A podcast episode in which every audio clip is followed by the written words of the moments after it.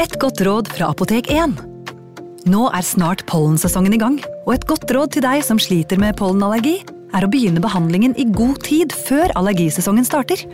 Da får du nemlig enda bedre effekt av legemidlene, og så blir ikke våren din helt ødelagt. Kom innom og få råd på ditt nærmeste Apotek 1, eller chat med oss på apotek1.no. Apotek 1 vår kunnskap, din trygghet.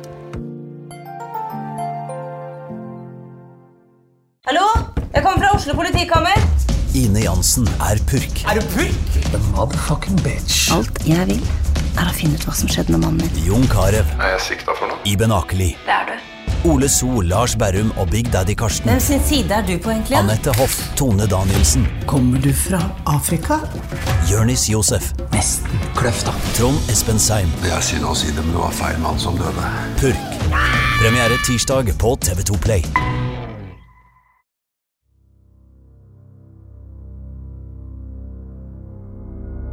Den 9. oktober møter eh, skarpretter Frans Gottschalk Ledel opp. Han er på Setremoen i Hoff, rett sør for eh, det som er Flisa i dag, sentrum. Han skal hogge hodet av en eh, ung dame. Hun heter Anna Østmo. Og hun skal dukke opp igjen en, en god stund etterpå. I død tilstand, riktignok. Denne dagen skal hun miste hodet, og hun skal ikke få oppfylt sitt siste ønske, som er å gravlegges i kirkegården. Hun skal gravlegges utenfor. Men hva hadde Anna Østmo gjort?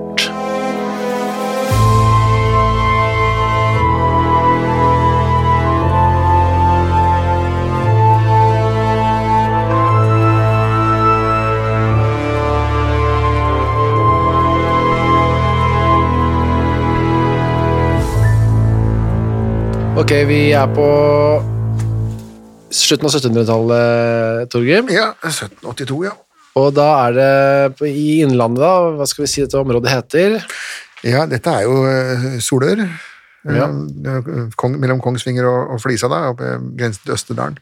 Og Østmo det ligger på venstre bredden av Av Glomma, ja. Glomma, ja. Eh, Kirken er, er vel de nærmeste omgivelsene. Det er ganske kaldt, kaldt og hustrig område om vinteren. Og dette var i januar at dette begynte eh, i 1782, og Ja. det var kald, en kald vinter. Ja, og sannsynligvis enda kaldere nå, da, for dette var jo under den lille istid. Eh, På 1700-tallet var det jo mye kaldere eh, enn det er, er, har noensinne vært i min levetid. da. Og det var kaldt eh, ute, men også sikkert ganske luftig, eller sånn trekkfullt. Og gulvkaldt. Ja da, det var, det var ikke isolasjon i husene, det var jo tømmerbygninger, lafta tømmer. De tetta alle hølene med mose og sånne ting, men eh, lufta bra, ja. Man burde ha tøfler. Hadde man det? Gikk man gikk ikke sokkelesen Nei, man gikk med sko. Sk- Vanlig utesko? Vanlig sko, eller, eller, eller ladder i noen steder, eller komager, da. Ja, Noen, litt avhengig av hvor du, hvor du var hen, ja. Nei, men barbeint kunne du på en måte ikke gå eh, om vinteren, nei. Da frøys jo Tærne av. Selv om det var luftig og uisolert, og det blåste litt sånn gulvkaldt der, så var det en Det er sånn historien begynner, som du skriver om i boka di Uten nåde òg. Det begynner med en stank. Ja, det lukter råttenskap. Og det lukter vondt i utgangspunktet, skriver du. Det har vi vært inne på før. Det var Det lukta jævlig på 1700-tallet hjemme hos folk. Ja, eh, de vaska seg jo eh, riktignok en gang eh, hver lørdag, da, enten det behøves eller ei, men det å bade, det, det gjorde man da før jul. Altså vaske seg, da var det ansiktet, det, eller? Ja, ansiktet og hendene, og så snøyt man seg i vaskevannet, ja. Men hva med skritt og rumpe og så nei, nei, nei, nei. Det, det vasket man ikke, det, det, det fikk bare være. Men når man var på do, hvorfor ta det først, ja. og bæsja, da. Ja. Hva tørket man seg med? Mose. Ja vel. Altså. På vinteren så lå det noe gammel mose som man Ja, hadde tatt med. mosedotter, ja. Det, mosedotter var faktisk en eksportartikkel fra, fra Norge i, under middelalderen, da, det, som, rom, rumpetørk. Ja. Oh, ja, sier det som dopapir? Ja. Riktig. Papir var jo så dyrt at det kunne man ikke bruke til, eh, til den slags. Det var, det var kjempedyrt. Romerne brukte jo en slags form for svamper da, som de hadde i de offentlige latrinene sine. Svamper som de, men de, de men i, Rom, i, i, i Italia så kan man jo finne svamp på, i havet. Ja, ja. Det, det er jo ikke noe av så mye av det her i Norge, da. Nei, Men desto mer mose, da. Ja, mose har vi masse. Så, Så man tørket seg vekk. Men det er mye sånne, sånne små smuler og dritt som sitter igjen etterpå. Ja, men som sagt, 1700-tallsmennesker var vant til både smuler og dritt. De, altså, Ja. det, det er helt utrolig hva man kan bli vant til. De, de krydde jo av lus, de hadde innvollsormer. Mm. Eh, Ingen av dem gjorde noe med det, det var en del av naturens orden. Så bestemor ble spedalsk, nesa datt av, eh, and so and so. Ja. Det spilte ingen rolle hva man, man tok sin skjebne. Og når man skulle ligge sammen, så hvis man da liksom kledde av seg et underliv som ikke hadde vært vasket på Ja, men de kledde ikke av seg. Ja. Nei, for de gjorde det med klærne på, ja. Ja, ja. Eh, Man lå naken. Enkle Enkelte steder i landet var det vanlig å ligge naken. Det ble påpekt fra, av eh, sorenskrivere at eh, i Hallingdalen tusler man rundt naken om natta, og det, det syns han var helt påfallende. Det var jo ingen andre som gjorde. ja Innendørs eller utendørs? Eh, Innendørs, ja. ja. Og under middelalderen da var det mye varmere, så da sov jo folk nakne. Men så, Ja. så fort den lille istid kom, så begynte folk å kle på seg. I byen så hadde de jo nattluer, til og med. altså, De måtte jo ha, til og med ha caps Ja. på når de sov. Og så skinnfeller og sånne ting. sånn at de, de, de lå der med klærne, med, med mye av klærne sine på. Ja, både av kulde og også litt sånn luktmessige årsaker, kanskje. Ja, de klærne stinka sannsynligvis også Ja, de ganske det. heftig. da, De ble jo heller ikke vaska daglig. Så. Men oppå all denne kroppslukten så kom det altså fra rommet til eh, en som het Erik Gundersen, som bodde i en gård som het Østmo. Det var selve gården Østmo, ja. Ja. Eh, han var sønn av eh, altså bonden. Var det det, eller? Ja. Ja. Gunder var faren. Er av Erik Gundersen. Han gikk og la seg, men syns det lukta så ekstra vondt inne, i, inne på kammerset sitt. Og da, eh, men han gjorde, gjorde ikke noe med det, han sov. Dagen etter så gikk han til faren sin. 'Pappa, eh, det lukter så jævlig inn på rommet mitt nå. Kan du hjelpe meg?' Ja. Og Gunder han hadde mistanker til hva som kunne ha skjedd, for han hadde ting som han hadde opplevd der før, så han sa ja, vi skal ta en titt. Med, så tok han med seg noen eh, karer, noen vitner, Ja. og gikk inn på rommet og begynte å lete. Yes. Og, øh, og da kom øh, stanken ifra madrassen, eller halmen, da. Sengen, ja. Mm. Og da sov man, vi kan ta det først, man hadde en dyne, eller? Først så var det halm. En helt nederst var det ja. en sengebunn av tre, Ja, som, så for å holde halmen øh, Ja. på plass, ja. Og så var det halm, massevis av øh, halm. tettpakket var det, sånn, Ja, som man skifta da en gang eller to i året. ja. Eh, og den var jo også da ganske sigen eh, etter hvert, den Mhm. halmen, da.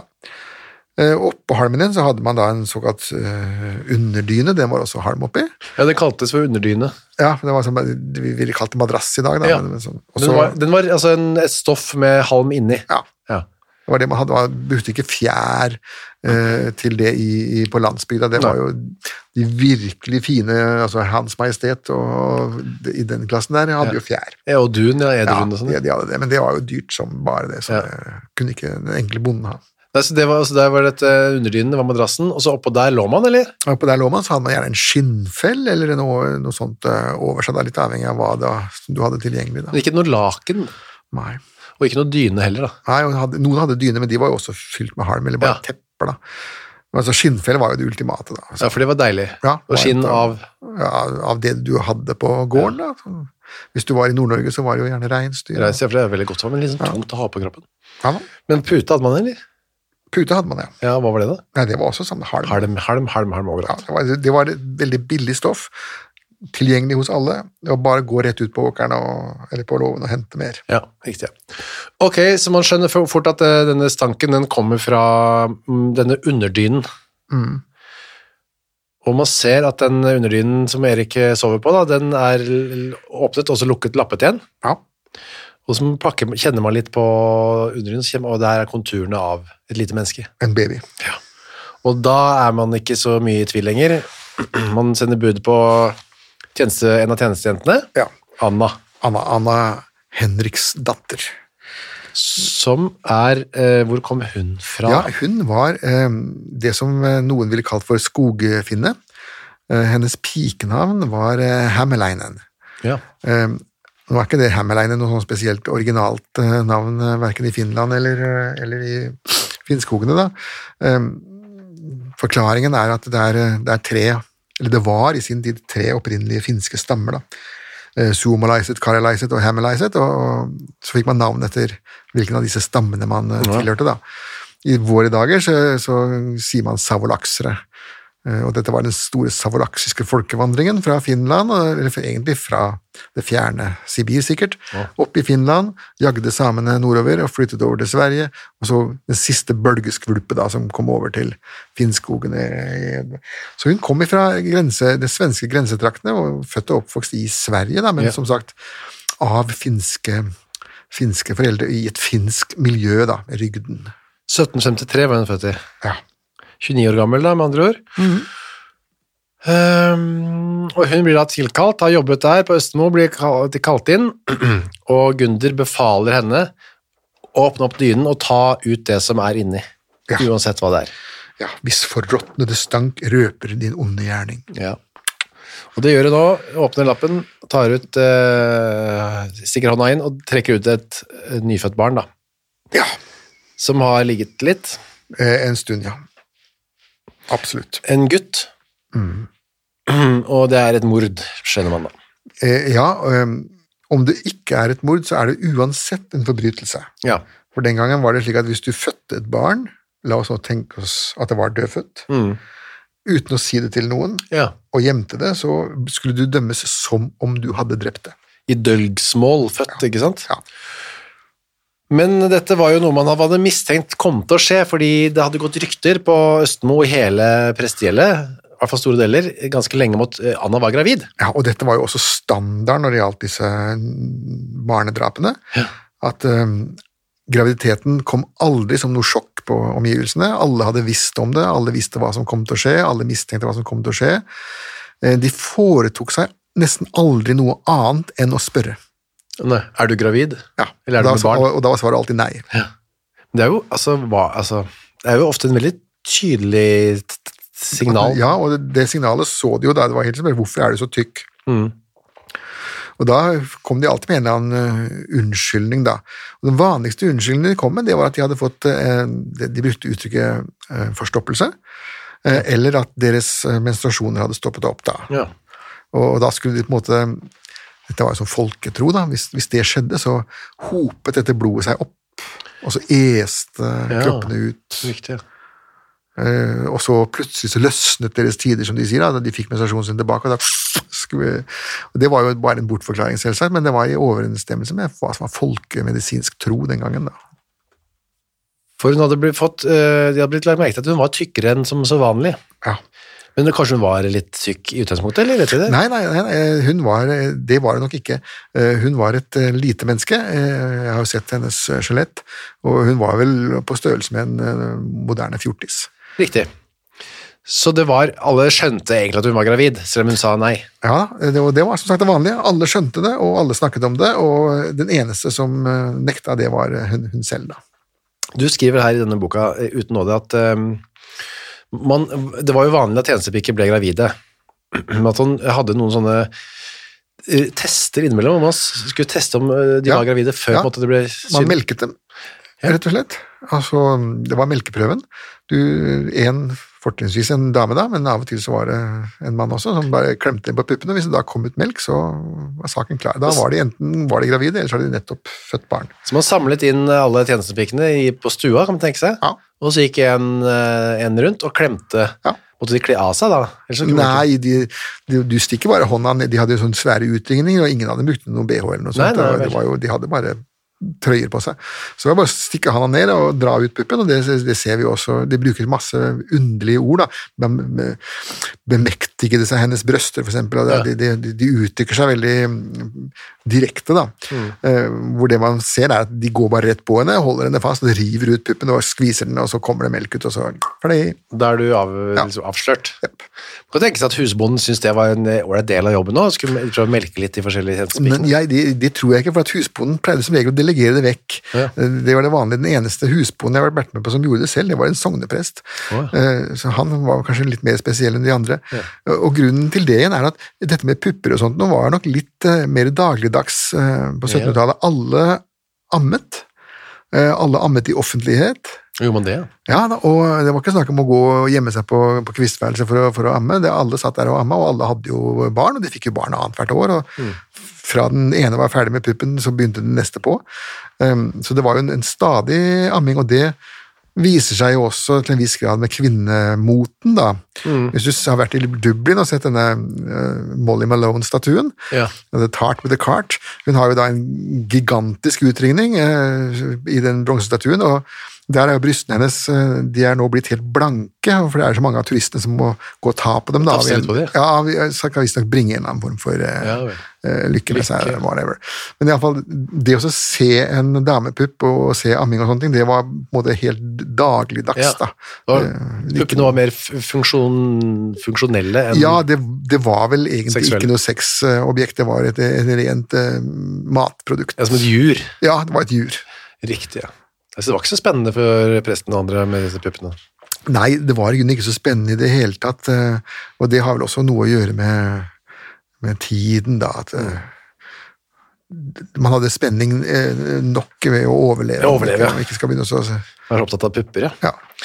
Ok, så det var ikke så spennende. Det var litt kjedelig, syns jeg. Men øh, det som skjedde med Anna, var jo da at hun Hvordan var nå dette? Hun ble da dratt inn Ja da. etter at dette barnet har blitt funnet. Mm -hmm. er det ditt? Ja. Hva sa hun til det? Ja, eh, hva skulle hun nå egentlig, egentlig si, da? Hun hadde jo blitt spurt veldig mange ganger før dette og, om det var noe barn. Og hun hadde svart eh, nei, nei, nei, nei, nei. Så eh, det som da skjedde, var at eh, hun ble spurt av presten, til og med. Eh, han hadde sendt sin medhjelper og fått henne til å, prøvd å få henne til å tilstå, og hun sa nei. Og så um, hennes venninne hadde spurt, og sa nei. Marte? Marte, ja. Gunder, bonden på, bonden på gården, han um, kommer da hjem fra kirken søndag 20. januar 1782. Dette er før eh, barnet ble funnet? Da. Ja, Anna har vært hjemme og ligger da til sengs midt på dagen. Og hun ligger til sengs innendørs i stua. Ja. Det var jo også veldig uvanlig, for hun pleide å sove på fjøset. Hun hadde til og med lagt seg i senga til husbondens sønn. Veldig spesielt sted å legge seg. Ja, eh, og eh, nesten selvtekt. Mm. For hun hørte jo som sagt hjemme i fjøset, og han jagde henne da ut. Eh, Men så finner da Gunder blod Ja. på gulvet. Så en eller annen blør. Og han får da de to andre jentene på gården, altså Martha og Helene, da, til å ligge sammen med Anna. Ute på fjøset der. Ja, For å passe på. Passe på hva? Om hun Passe på at hun, føder? føder, ja. Ja. Om, om hun føder, eller, eller Har født. Ja, altså har født. Uh, men så um, klarer hun da på en eller annen eh, måte da å stikke av. Ja, for da, men har hun født når han kommer tilbake? Hun ligger der, eller? Hun har nok det. Ja, altså Har hun allerede lagt det lille ja, Hun har det. Men det som skjærer seg hos henne nå, det er at hun har lagt barnet i madrassen i den tanke å få det ut derifra ved et Ja. senere høve, og få det bort. Ja, det er riktig. For eh, hun er, som du vil se, ikke noen novise på dette peltet. Men så kommer da Gunder og jager henne ut, så hun kommer jo ikke tilbake. Hun får ikke tak i dette liket. For nå ligger Erik Gundersen der. Det var en tabbe av henne å bruke hans uh, seng. Eh, Men sånn er det. Ja, og legge det inn i hans madrass, av alle steder å legge det. Ja. For på et eller annet tidspunkt så vil jo han ha sin madrass tilbake igjen. Ja. Og det fikk han. Men du, bare ta det med at hun så på fjøset. eh, Var det vanlig at tjenestefolket bare så på fjøset? Ja, det var til, til og med husbonden kunne av og til sove på fjøset. Det. Men Var det redd opp liksom, senger der, eller Nei, ja, nei, de lå, de lå på halm. Og, Rett ned på halmen. Ja, halmen, ja. Eh, Det å sove i fjøset var nok ikke det dummeste du kunne gjøre, for der var det varmt. Ja, men Da dyra- Du tenker deg sånn fire-fem kuer og en geit og sånt, og det, de, eh, et vanlig menneske eh, tilsvarer jo 80 watt eh, pære. Ja. Og en ku er jo sannsynligvis et par hundre watt. Så det var det varmeste, deiligste stedet? Ja, har du fem kuer, da er det oppe i 500 watt, det er jo en moderne Ja, stråle. det det, var så- badstue. Ja, så det var, det var nok på en måte like greit å, å sove i fjøset, altså. Og det stank var det jo uansett eh, inne også, så det var ikke noe Ja, bedre. og eh, for en som har vokst opp på landet, så er kudritt eh, er jo faktisk ikke så gærent da, som, eh, som eh, menneskemøkk. Jeg med sånn, litt sånn høysnue, allergi mot eh, gress og høy, hadde, hadde slitt. Det det hadde du nok, ja, men nå var jo ikke det så vanlig den gangen, da, fordi at de var jo vokst opp med det. Mm. For det første var de vokst opp med det, og for det andre så de som hadde alvorlige astma, de døde jo av det. Så da, Ja, så hadde det vært, det hadde ikke vært noe problem uansett. Neida.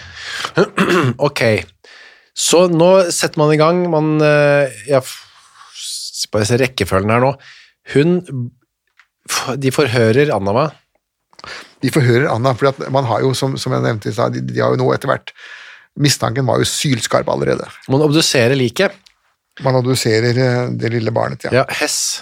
En, Ja, denne stakkars Hess, den var også en av de mer uheldige norske doktorene, eh, som, som eh, fikk stadig vekk kritikk og påpakninger. For, ja, for, ikke, ikke, han var ikke noen ond mann, og heller ikke noen skurk, men han, eh, han var heller ikke den beste legen man kunne få tak i. Da. Men eh, han gjorde så godt han kunne, da. han testet om lungene til barna var helt hele. Ja, om det, om det fløyt.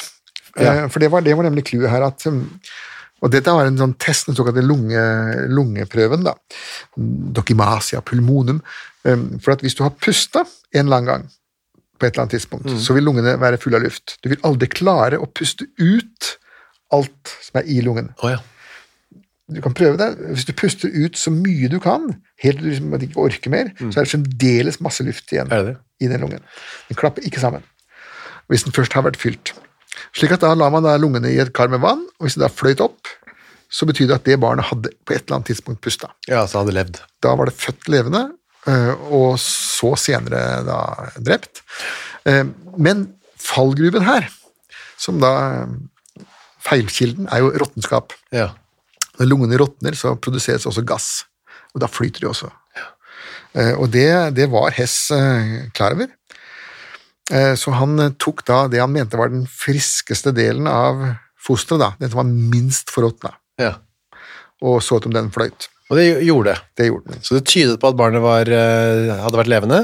Ja, enten det, eller at, eh, eller at det var råttent. Ja, ja. Eller begge deler, da, som det var. Det kan det også ha vært. Så fant han også Ukas annonsør er Next Story. På Next Story så finner du hundretusenvis av eh, e-bøker og lydbøker. Du finner folk som jeg har eh, intervjuet og snakket med, og liker bøkene til. Agnes Ravatn, hennes siste bok. Gjesten er der. Nina Lykke, sin siste bok. Vi er ikke her for å ha det morsomt, er der. Og så er det jo krim, biografier, essays, eh, romantikk, savnhistorier, barnebøker, faktabøker, spenningsbøker, science fiction. Alt mulig du kan tenke deg. Og også bok av uh, Torgrim Sørnes. De henrettede igjen, Ondskap, for eksempel. Det er da uh, Torgrims gjennomgang av en del av sakene fra 1800-tallet, som endte da med halshugging, som de gjerne gjorde. Eh, eksempel Kristoffer Svartbekken, denne snikmorderen fra um, Elverumsdraktene, som pryder også coveret, ser jeg, skummel type. Eller da, som sagt, forferdelig mye annet. Gå inn på nextstory.no skråstrek henrettelse. Registrer deg der, så får du seks uker gratis tilgang til nesten uendelig mange bøker. God fornøyelse. Så noe litt avslørende i munnen til dette barnet, stakkars. da. Ja, og det var the smoking gun, da. Han, noen hadde puttet en stort eh, stoffstykke inn i kjeften på det. Det hadde ikke nødvendigvis drept det, det i seg selv heller, hadde vel det? Eh, Nei, fordi at barn er jo nesepustere. Mm. Nyfødte barn er jo obligate nesepustere, som vi sier, altså helt til de er eh, et halvt år gamle eller noe sånt. At de puster naturlig gjennom nesen. De puster gjennom nesen, ikke bare det at de puster gjennom nesen, men de skjønner ikke at de skal puste gjennom munnen oh, ja. hvis ikke de skriker. Ja. Eh, Slik at eh, hvis du skal eh, kvele en liten unge, så er det nok å bare holde den for nesa. Du behøver ikke holde for munnen. Oh, ja. Men dette er jo ikke så veldig mange som, som vet. Da. Heldigvis på en måte. Ja. Nå har vi jo brakt denne kunnskapen ut til folket, da, men jeg får bare håpe at den ikke blir Ja, det var ikke, ikke misbrukt. Og så navlestrengen var også revet av. Ja, og ikke, ikke bundet for. Det var man veldig opptatt av, Ja. rettsmedisinsk sett. Han mente at eh, barnet ville dø av forblødning hvis man ikke hvis man rev av navlestolen istedenfor å binde rundt den og stoppe den. da. Ja. Eh, Det er vel til en viss grad eh, ikke sant. De fleste dyr som føder i skauen, sånn som la oss si elg eller rev, eller Ja. sånt, de eh, har jo ikke noen jordmor der som binder knuter rundt eh, navlesnora. Ikke? Nei, de, de føder, og så de største dyrene, da, da, da står de og føder, altså da detter fosteret ned på bakken, og da rives navlesnora av i det de detter. Og de overlever, Ja, de det er jo masse elg, det er jo til og med for mye elg. Det masse elg, ja. Ok, uansett, som, det er i hvert fall ikke noe tvil på at dette barnet har blitt utsatt for noe. Det er ikke bare falt dit av seg selv. Neida, da, dette, inn dette barnet er, er drept, da. Ja, drept, ja. Og da er det Anna som settes på tiltalebenken. Eller i avhørsstolen, eller hva det er først. Ja, ja hun, hun eh, har jo ikke altså Det er jo ingen andre å ta av. Altså, hun var jo allerede høymistenkt. Man hadde til og med satt fangevoktere på denne Marte og Helene for å passe på henne. da. Så, Hun klarte altså å snike seg av gårde med denne etterbyrden, denne morkaka. da. Ja, og det er jo utallige historier av hva man dreiv med den. da. Ja. Eh, Mamma var i grunnen veldig opptatt av den. Eh, Fordi at eh, ved en vanlig fødsel, hvor det var en jordmor til stede, så, eller en annen kvinne da, så var det første man gjorde når morkaken var kommet ut, var å kaste den på peisen det? og brenne den opp. Ja. Hvis man ikke gjorde det, så kunne den forvandle seg til en eller annen form for eh, spøkelse, Mm. som så vandret rundt på gården og lagde et helvete, Oh, ja. eh, inntil man gjorde noe med den, da. Og da måtte man på en måte døpe den, eh, altså denne utburden, eller denne morkaken, da. Måtte da døpes, og da visste man jo ikke om det var gutt eller jente, selvsagt, så da kastet man eh, et stålstykke over skulderen, og så sa man 'jeg døypa deg på ei von', enten Kari eller Jon. Og så man hadde en sånn vers, da, som man skulle si, for å bli kvitt eh, denne skumle, skumle morkaken. For man ante jo ikke helt hva det var, Nei. men man trodde jo det var eh, en eller annen form for liv, da. Ja, riktig, ja. Så man da, så det vanlige var å brenne den. For da var man kvitt den, på en måte. Ja. Men hva skjedde egentlig med hennes etterbyrd? Annas? Nei, hun har vel sannsynligvis bare Perlman, vel? I søpla, holdt jeg på å si? Jeg er ikke i søpla, men uh, man hadde jo ikke noe sånn søppel i den forstand, da. Uh, det var møddinger. Ja, hauger med Ja, hadde- eh, det, noen eh, gjorde det, noen lot den bare ligge i skauen, og noen fôra den til grisene. Ja, for det var jo næringsrikt, sikkert. Ja, og det var jo til og med en dame som, som noen år før riktignok fødte et barn, og hun fora jo både barnet og morkaken til grisene, og som hun sa hun satt utafor grisebingen og hørte at, som hun skrev, de slubrede det i seg. Huff. Hun ble da frikjent, for, eller ikke frikjent, men hun fikk ja, ikke dødsstraff, fordi eh, man fant jo aldri noe lik. Nei, for det hadde gått til grisen. Yep. Ok, men det hun gjør da, Anna, er at hun tilstår, men først så tilstår hun et annet mord, og det er det som er så rart. Ja, og det var det som var den store eh, tabben, da. Hun har gjort dette før, nemlig, Ja, i Sverige. det var det som var, eh, det var, det som var den store tabben. At hun eh, hadde født et barn åtte år tidligere. Drept det og putta det inn i kirkegårdsmuren. Ja, inn i kirkegårdsmuren, hvorfor? Jo, det var jo den at man Ja. skulle være kirkegården, det var kirkegården som var stedet hvor lik Ja. skulle være. da. Og det var sannsynligvis det hun hadde tenkt å gjøre med, med dette nye liket også, Mm. hvis hun bare ikke var blitt forhindret av, av bondegutten. da. Det var en gift bonde da hadde hun gjort det. Ja, Og så hadde hun også født en eh, annen gutt eh, utenfor ekteskap i 1776, ja Brede, ja. Men som het Johan Tvengberget. Mm. Men han fikk vokse opp, eller? Ja da, han fikk vokse opp. Det var- fordi at faren tok på seg farskapet, Ja. eh, og, eh, men han ville ikke gifte seg med henne da. Nei. Så da fikk hun på en måte barn med en person som, som ikke var gift, eh, men som ville ta seg av saken, da. Men hadde betale. Det var et underholdningsbidrag, da. Riktig. Så forteller hun også historien om hvordan hun hadde født denne siste gutten. da. Mhm. Nå hadde det gått, mens de andre var i kirken, så hadde hun lagt seg til kammerset og født et guttebarn rundt klokka sju. Så hadde hun tatt en bit av underskjørtet sitt, denne linen som vi har hørt Ja. om, og stappet inn i munnen. Lagt barnet i sengen, og så bredt et skjørt over det. Ja, og så som sagt, planen var jo etter hvert å, å, å bli kvitt fosteret på en eh, anstendig måte, da. Men det klarte hun altså ikke, eh, for da kom denne Gundre ville jage henne ut, og så puttet hun det inn i, inn i madrassen, da. Eh, Så, kommer denne etterbyrden da, som hun eh, gikk ut i fjøset med for å, for å pælme det. Eh, Men eh, det ble jo aldri oppdaget hvor hun hadde Nei. hivd den hen, da. Du, skal vi ta bare to ord om dette med altså kvinner som fødte utenfor ekteskap, da, som ventet henne hvis hun ble tatt? Altså hvis, barnet ble, altså hvis hun fødte et levende barn. Ja, hvis hun fødte et levende barn. Hvis det var hennes første, eh, og det kunne hun jo måtte ha kommet unna med her, da. Det, Eh, vil si, da var det en eh, bot. Det var da en bot på eh, seks daler. En leiemålsbot. Ja. Mannen måtte betale tolv daler, og hun måtte betale seks daler. Hvis du derimot gjorde det en gang til, så ble det gjerne en fengselsstraff, og hvis du gjorde det for tredje gangen, så skulle du også da piskes. Det var altså piskes, ja. Ja, og, og så tukthuset. Det var altså forbudt å føde barn uten ekteskap. Ja, det var forbudt ved lov. Men så var det også det at eh, disse mennene, de, de som jo var halvparten av årsaken her, de hadde jo også en veldig pussig skjebne. da. De skulle da også betale, selvsagt, en bot. Og så var det dette med det offentlige skriftet, da. Ja. eh, som, som var kutyme. De måtte da fram for menigheten, si hva de hadde gjort, bekjenne og be om tilgivelse, og det er en veldig ydmykende og traurig forestilling som gudskjelov ble, ble avskaffet etter hvert. da. Mm. Som ikke hadde noe som helst eh, hensikt utover å tilfredsstille de mer perverse innbyggerne i menigheten, da. Inklusive presten ofte. Eh, Men som sagt, hvis du da gjorde dette om igjen og om igjen, om igjen, så ble du havnet du til slutt på tukthuset. da. Og hun hadde jo gjort dette nå to ganger. Eh, Dette Ja, tredje, tre, tre. var tredje gang, ja. Ja, den tre, en, en ligger i kirkegårdsmuren i Sverige, og en eh, vokste opp på Sorknes gård, og så var det den tredje her. da. ja. Så hun hadde en, et tydelig motiv for å ikke ville at det skulle vokse opp, med andre ord. Men faren, eh, hvem var det her? ja, det var jo en meget ung, eh, ytterst ung mann, da. Ja, Paul? Ja, eh, som Når denne saken her kom fram for en stund siden, så Han var 18 år, da. Eh, Så, så, så ble jo hun Hun var jo 30, så hun ble jo beskyldt for å være en slags form for pedofil, men eh, det er klart hun var jo ikke det. Eh, Men denne 18-åringen var vel sannsynligvis som 18-åring ofte har, da, et veldig sterkt driftsliv. Da. Ja. Og da var det jo tjenestejentene på gården da, som, som ofte ble ofre mm. for, for dette driftslivet. Han innrømmet at han hadde ligget med Anna, men han visste ikke om han var, kunne være faren til barnet.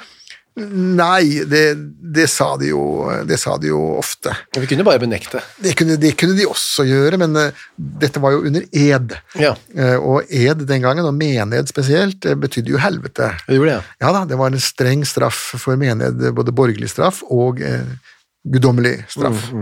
Eh, Hvis du har lest eh, Dantes Inferno, da, så er menederne, er jo der nede i, En egen- i bånn der, men de har en egen straff. Da. Straff, ja. Mm. Ja. Eh, Jeg lurer på det er de som sitter der med tungene som er frosset i is, eller noe Å, sånt. sånn. Grusomme saker. Ja, grusomme. Sånn at eh, han tilsto det, men så, så kom en dame med den vanlige forklaringen. Han visste ikke om det var han som var eh, barnefar. Andre av disse her barnefedrene de, de har enda lumrere måter å uttrykke seg på. Jeg har hatt jeg har ikke hatt med henne å bestille på en måte som det kan bli barn av, var vanlig.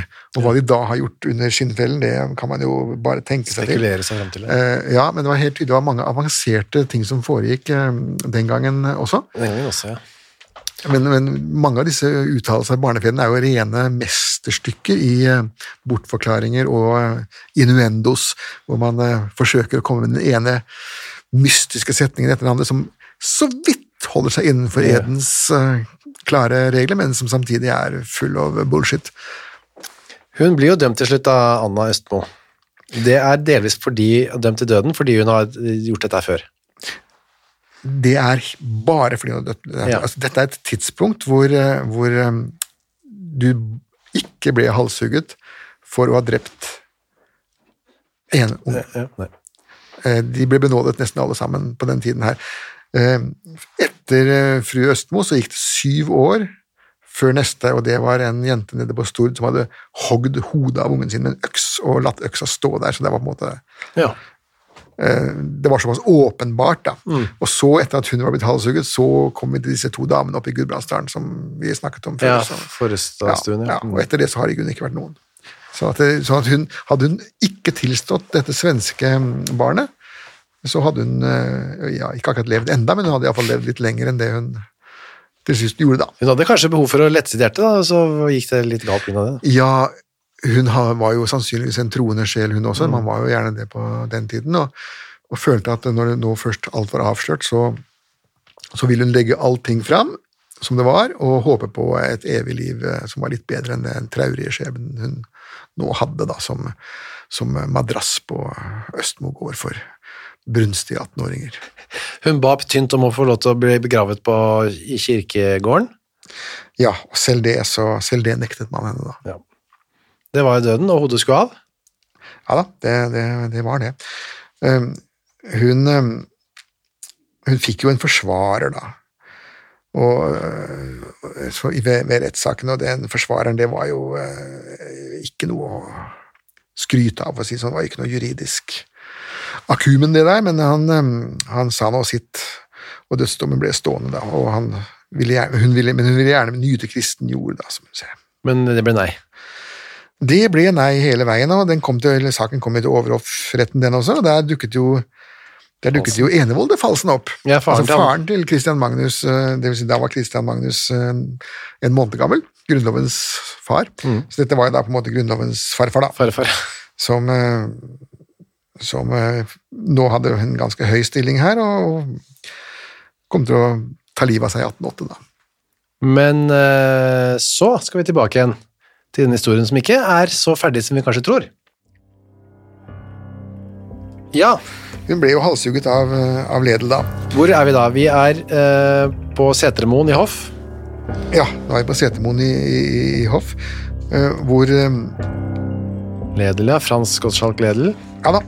Og han, eh, han eh, Det gjør det så godt han kan. Faren til Anton, ikke sant? Eh, Dette er faren til Anton og sønnen til August. Ja.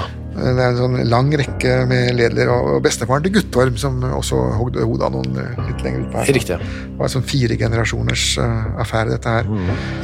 I alle fall så er det fogd König da, som, som skriver noen skarpe brev til lensmennene overalt og sier at nå må de rydde plassen for buskas, og så må skarpheten skal ha med seg sin egen øks, og i det hele tatt König er veldig ryddig der, da. Alle får, alle får eh, brev om hva de skal, nøyaktig hva de skal gjøre. Leder Ledel må ha med seg øks, men det ville han vel hatt uansett. Han tar ikke bare en hvilken som helst øks de har der. nettopp. Men eh, König har eh, er blitt nettopp fogd. Ja. Etter at den forrige fogden, som jo var en tullebukk, og vel sannsynligvis også en underslager, det vet vi ikke om pengene forsvant fordi han var, ikke kunne bokføring, eller om han stjal dem. Men i alle fall så har König blitt sendt for å rydde opp i fogderiet, da, og da, da rydda han jo opp, så det virkelig holdt. Han, eh, de prøvde, er litt uenige etter hvor lang den staken skulle være. Som de, Ja, fem, fem eh, alen er jo det som var spesifisert. Ledel ville det. Ledel ville det, og det, er- det er også noe de alle de andre skarpheterne som har hatt sånne staker, de gangene de har blitt spurt, så har de sagt fem alen må det være, men eh, av en eller annen grunn, og det fatter jeg ikke helt, så måtte, ville kunne ikke at den skulle være lavere. Ikke prute for å prute, virker det nesten sånn. Ja, altså det som Hvis den er fem alen, da, det er jo eh, nesten to meter. Er Ja. fem, en alen er jo 60, eh, 60 centimeter, så det blir tre meter, da, sånn cirka. Da. Eh, da må du ha en stige for å komme opp, for å få spikra dette huet fast på den stigen. Det kan være at han ville spare stige, eh, hva vet jeg. Ja, det er kjøpe en, bygge en billigere, lavere stige. Ja. Det ble i hvert fall tre-fire alen, og det ble de enige om. Og så kom eh, Anna Østmo fram for folket, og hodet til eh, Anna falt, eller ble hugget av. En Ja. ryddig av forretning av Frans Gottschalk. Ja. Ikke noe oppstuss med det. Nei.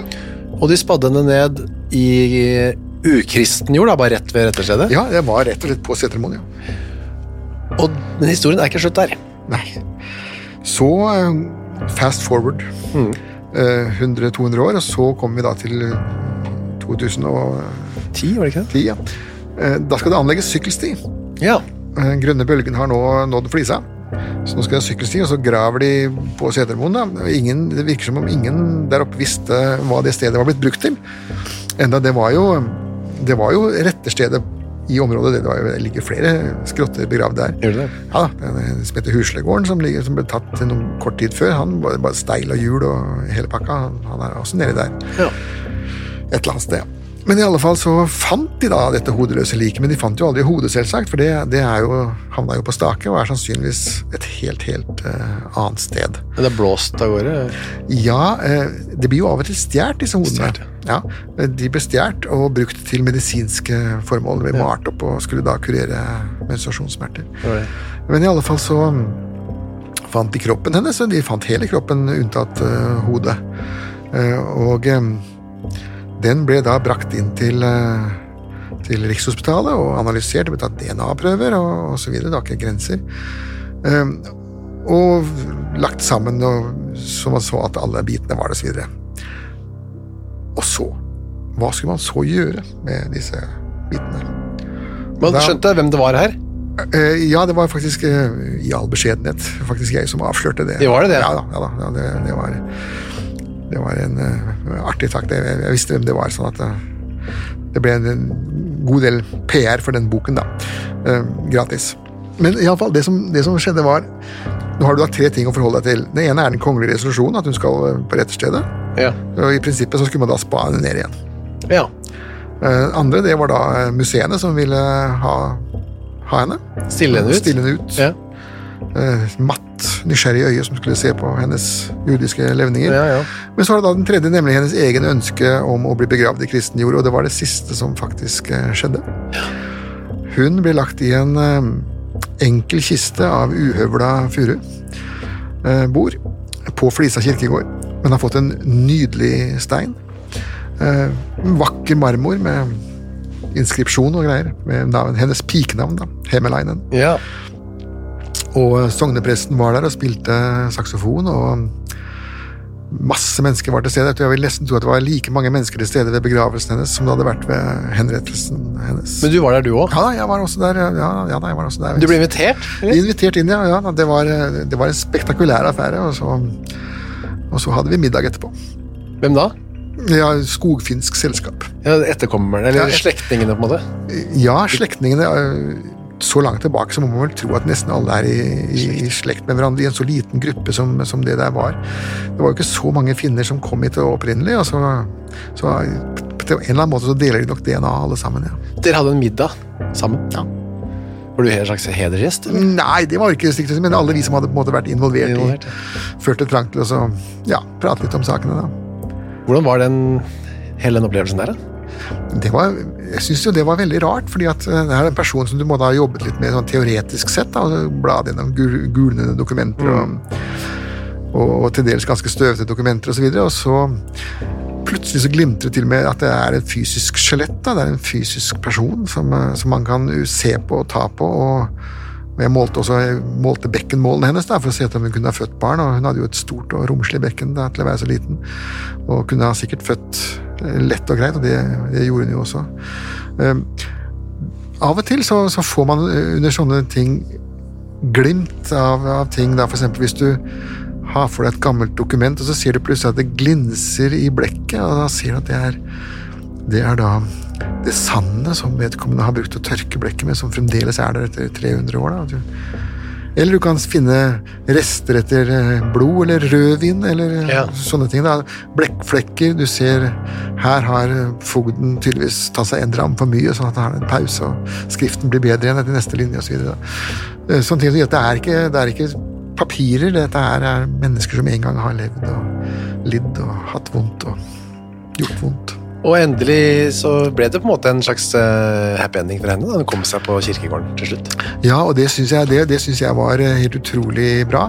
For det var liksom det eneste ønsket dette stakkars mennesket hadde da, i den situasjonen hun har vært i. Og, og få lov til å eh, ende sine dager på den måten. Så jeg syns det var en veldig stor og god ting. Jeg hadde ikke følt meg veldig vel hvis hun hadde ligget på, i en monter på et Nei, museum.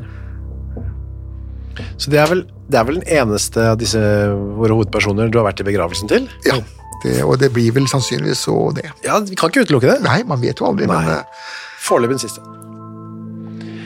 Takk for i dag, eh, Torgrim. vær så god. Vi ses igjen. Gjør det. Moderne